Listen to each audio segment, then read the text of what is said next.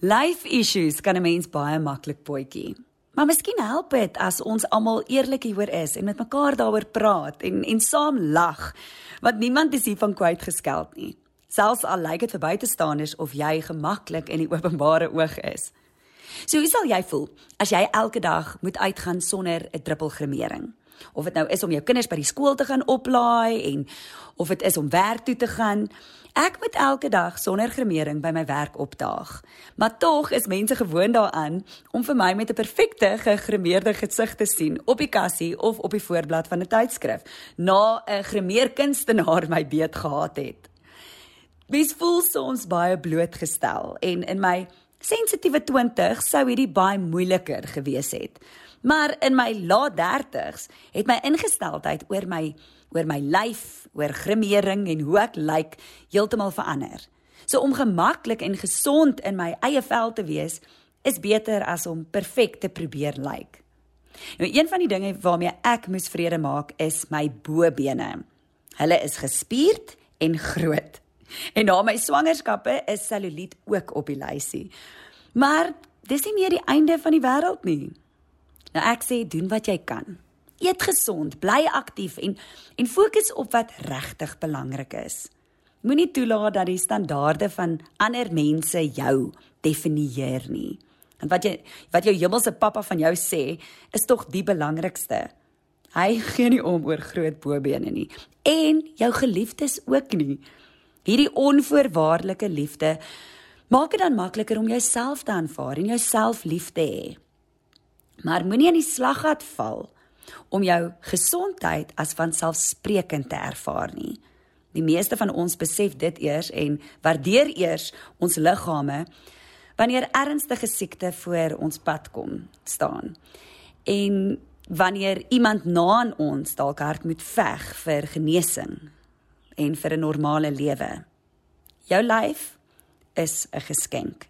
Dis net joune en jy kan kies om dit op te pas of te verniel.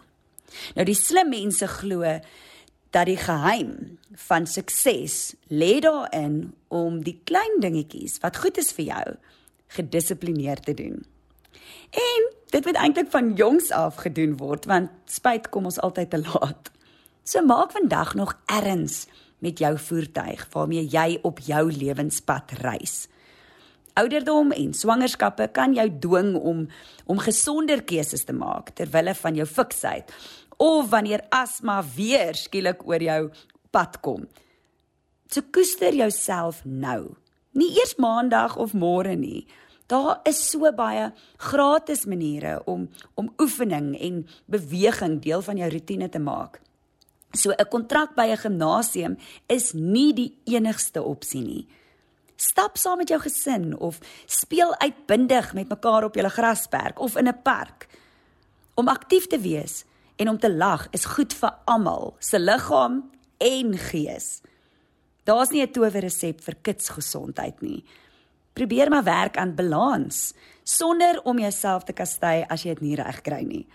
Probeer alle vorms van te te vermy en doen wat jy vir jou kinders sê om te doen. So as hulle nie hoope soetgoed mag eet nie, moet jy self ook nie volstop met sjokolade nie. En en daai een is vir my moeilik.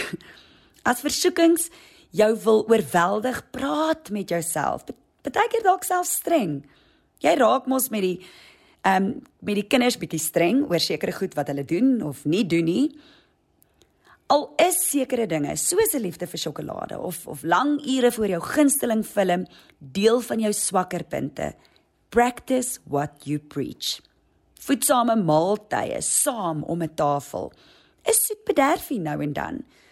En hou by die besluit om te oefen al is jy nie lus nie. Herinner jouself aan hoe goed jy voel wanneer jy klaar geoefen het. Herhaal die woorde. 'n Fikse ek is deel van 'n gesonder ek. Nog iets wat help om jou gedagtes 'n werklikheid te maak, is om 'n droombord saam te stel. Nou dis 'n kollaas van drome, prentjies en doelwitte wat jy teen 'n bord of op 'n stuk karton vasplak. Sit dae en datums by sodat jou planne spesifiek moet wees en nie net wensdenkery nie. So wanneer jy jou doelwitte voor jou sien, inspireer dit jou om vas te byt en aan te hou sodat dit uiteindelik 'n werklikheid kan word.